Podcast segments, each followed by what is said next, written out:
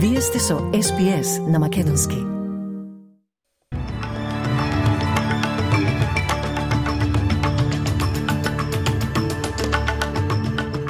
Во продолжение и најновите вести, а од денешниот билтен вести издвојуваме. Двајца професори по медицина прогласени за коавстралици на годината. Соединетите Американски држави го осудуваат Израел за акциите во Газа – Македонскиот премиер Димитар Ковачевски поднесе оставка со што започна процедурата за избор на техничката влада. И во женска конкуренција во финалето на Австралија Open, тенискиот турнир, ки играат Сабаленка и Женка. Слушајте не. Професорката Джорджина Лонг и професорот Ричард Сколиер се прогласени за австралијани на годината за 2024. Професорите Сколиер и Лонг заедно спасиле илјадници животи преку нивниот пристап за имунотерапија за лекување на меланомот. Двајцата сега се фокусирани на пронаоѓање лек за рак на мозокот, откако на професорот Сколиер минатата година му беше диагностицирана неизлечива форма на болеста. Тие велат дека се We never imagined our life work would lead us here. We stand here tonight proudly representing every melanoma patient and their families, but also those with brain cancer and indeed all cancers. We share this incredible honour with a wonderful and, support, and wonderful team and supporters at Melanoma Institute Australia, the world's leading melanoma research and clinical care facility. Our thoughts are always with those families where our breakthrough treatments came too late. We are forever indebted to your loved ones and all our patients for their selfless commitment to research, which has changed the futures for others. That is Aussie mateship at its very best. Во меѓувреме, пионерот на диносаурусите во далечениот Квинсленд, Дейвид Елиот, вели дека е на врвот на светот утрото, откако го освои австралискиот наградата за австралиски локален херој за 2024 година.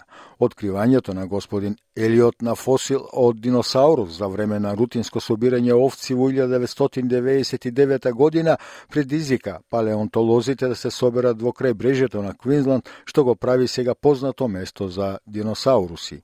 На имотот како непрофитна добротворна организација во 2002 година, тој го основал Природонаучниот музеј на Австралија за добата на диносаурусите. Господин Елиот изјави за Канал 7 дека се уште се чувствува надреално што бил именуван како локален херој. It's uh, it probably means the world to me now. I guess it's uh, it's just been a journey that takes uh, you know you you start without a destination and the destination seems to roll out in front of you. So and that's about what's happened with me. I'd, I'd reckon it's, it's, one of those things. You know, they, it sneaks up on you. You know, you don't you don't set off with a with a real clear purpose in mind. That that unfolds in front of you. And I've always I've always believed you know opportunities happen like they just pop up in front of you. You can take them or you can leave them. Македонскиот премиер Димитар Ковачевски лично во собранието и во архивата вчера ја поднесе оставката од функцијата премиер, со што и целата влада е во оставка. Тој пред доаѓањето во парламентот одржа и куса средба со министрите на која им се заблагодари за досегашната заедничка работа. Во собранието имаше и куса средба со председателот на собранието Тала Џафери, кој исто така ја поднесе својата оставка. Ковачевски во кусата изјава за медиумите пред собранието рече дека очекува Џафери Фери да го задржи стратешкиот курс на владата. Веројатно стилот ќе биде различен, меѓутоа државата секако дека ќе задржи својот стратешки правец, а тоа е западната ориентација, стратешкото партнерство со Соединените Американски држави и техничката влада исто ќе се грижи за граѓаните, бидејќи се уште сме во криза, така како што ние тоа го правевме во изминатите две години. Ова е нешто што е предвидено според закон на 9 мај повторно владата ќе ја предводам јас и ова парламентарно мнозинство кое што ќе обезбеди полноправно членство на Република Северна Македонија во Европската унија до 2030 година а официјален представник на Обединетите нации опиша ситуацијата во Газа како, цитирам, трагична, затворен цитат, по посетата на регионот на 25 јануари. Ова доаѓа од како Соединетите Американски држави понудија редка осуда против Израел за, како што велат Обединетите нации, израелски тенковски оган врз јасно означениот комплекс на Обединетите нации, кој засолнуваше 30.000 раселени луѓе во градот Кан Юнис во Јужна Газа. Обединетите нации велат дека во нападот загинале најмалку 9 лица, а 75 други се ранети, но Израел негираше дека неговите сили се одговорни и сугерираше дека Хамас може би е виновен. Според палестинските здравствени власти, бројот на загинати од израелското воздушно бомбардирање и инвазијата на Газа се искачи на 25.700 лица, а се стравува дека илјадници други се водат за исчезнати во урнатините.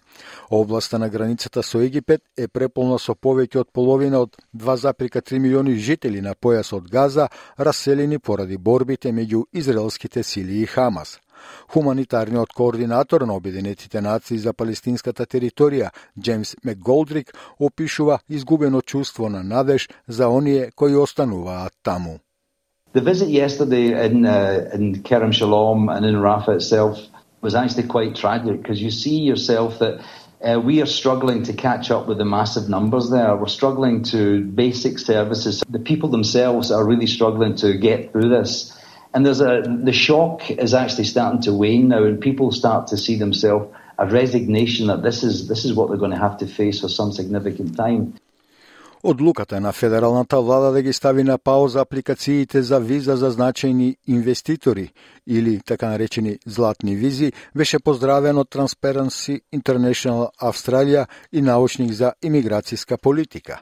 За визата беше потребна минимум инвестиција од 5 милиони долари во Австралија во замена за автоматски постојан престој. За разлика од другите визи, од имателите на инвеститорската виза не се бараше да учат или да зборуваат англиски јазик јазик и немаше старосна граница. Абул Ризви е поранешен заменик секретар на одделот за имиграција, кој сега е научник за имиграцијска политика. Тој за СБС изјави дека тоа е мудра одлука да се оддалечи визата. In my view, the best thing to do with this investor visa would be to abolish it and find a way of dealing with the backlog of applications. The backlog's very large. I think the government should return this visa to one which encourages people to invest in new and innovative businesses in Australia, employ Australians, and run those businesses successfully.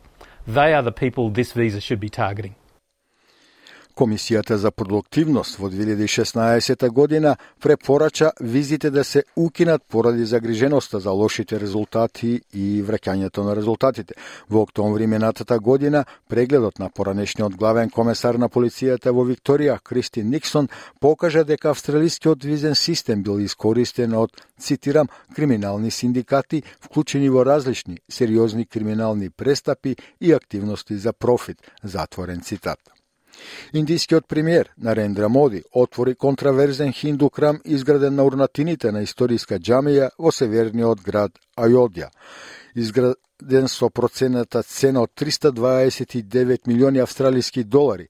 Храмот Рам е централен за хиндусите кои веруваат дека Рам е роден на точното место каде што муслиманите могал ја изградиле джемијата Бабри во 60 век на врвот на урнатините на храмот.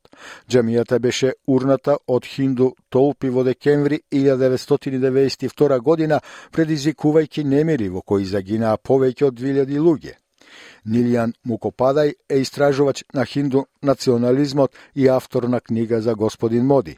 Тој вели дека Нарендра Моди се надева дека храмот ќе го катапултира до рекорден трет последователен мандат на предстојните избори. What is being done in Ayodhya, the kind of scale at which it is being built at the moment, being developed, is actually uh, going to make it like the Hindu Vatican, and that is what is going to be publicized. Modi is not going to lose a single opportunity to try to sell the accomplishment of having built a temple. А населението во Австралија надмина 27 милиони луѓе додека бројот на раѓања имигрантите кои пристигнуваат во Австралија се побројни од смртните случаи имигрантите кои заминуваат. Заводот за статистика го одбележа моментот велејќи дека популацијата расте за едно лице на секои 50 секунди. Населението на Австралија порасна за 2,4% минатата година до околу 624 1000 луѓе.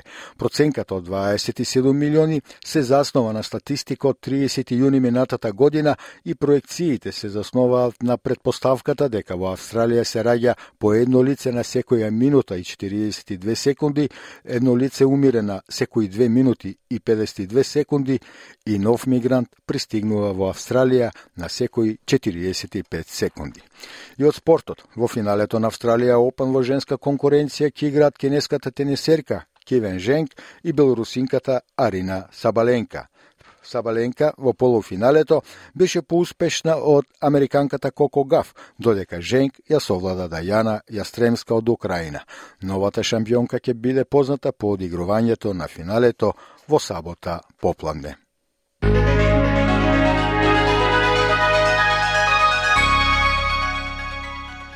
А од најновата курсна листа денеска ден Австралијски долар се менува за 0,60 евра, 0,65 американски долари и 36,98 македонски денари, додека 1 американски долар се менува за 56,14 македонски денари, а 1 евро за 61,10 македонски денари.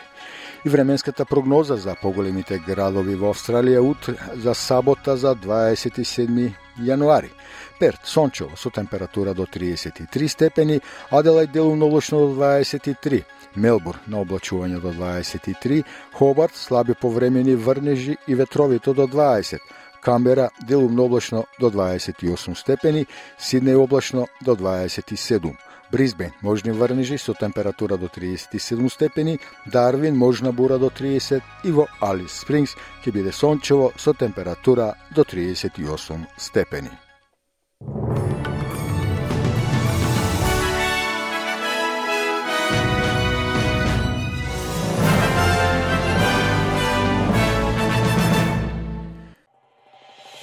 Сакате ли да чуете повеќе прилози како овој? Слушате подкаст преку Apple Podcasts, Google Podcasts, Spotify или од каде и да ги добивате вашите подкасти.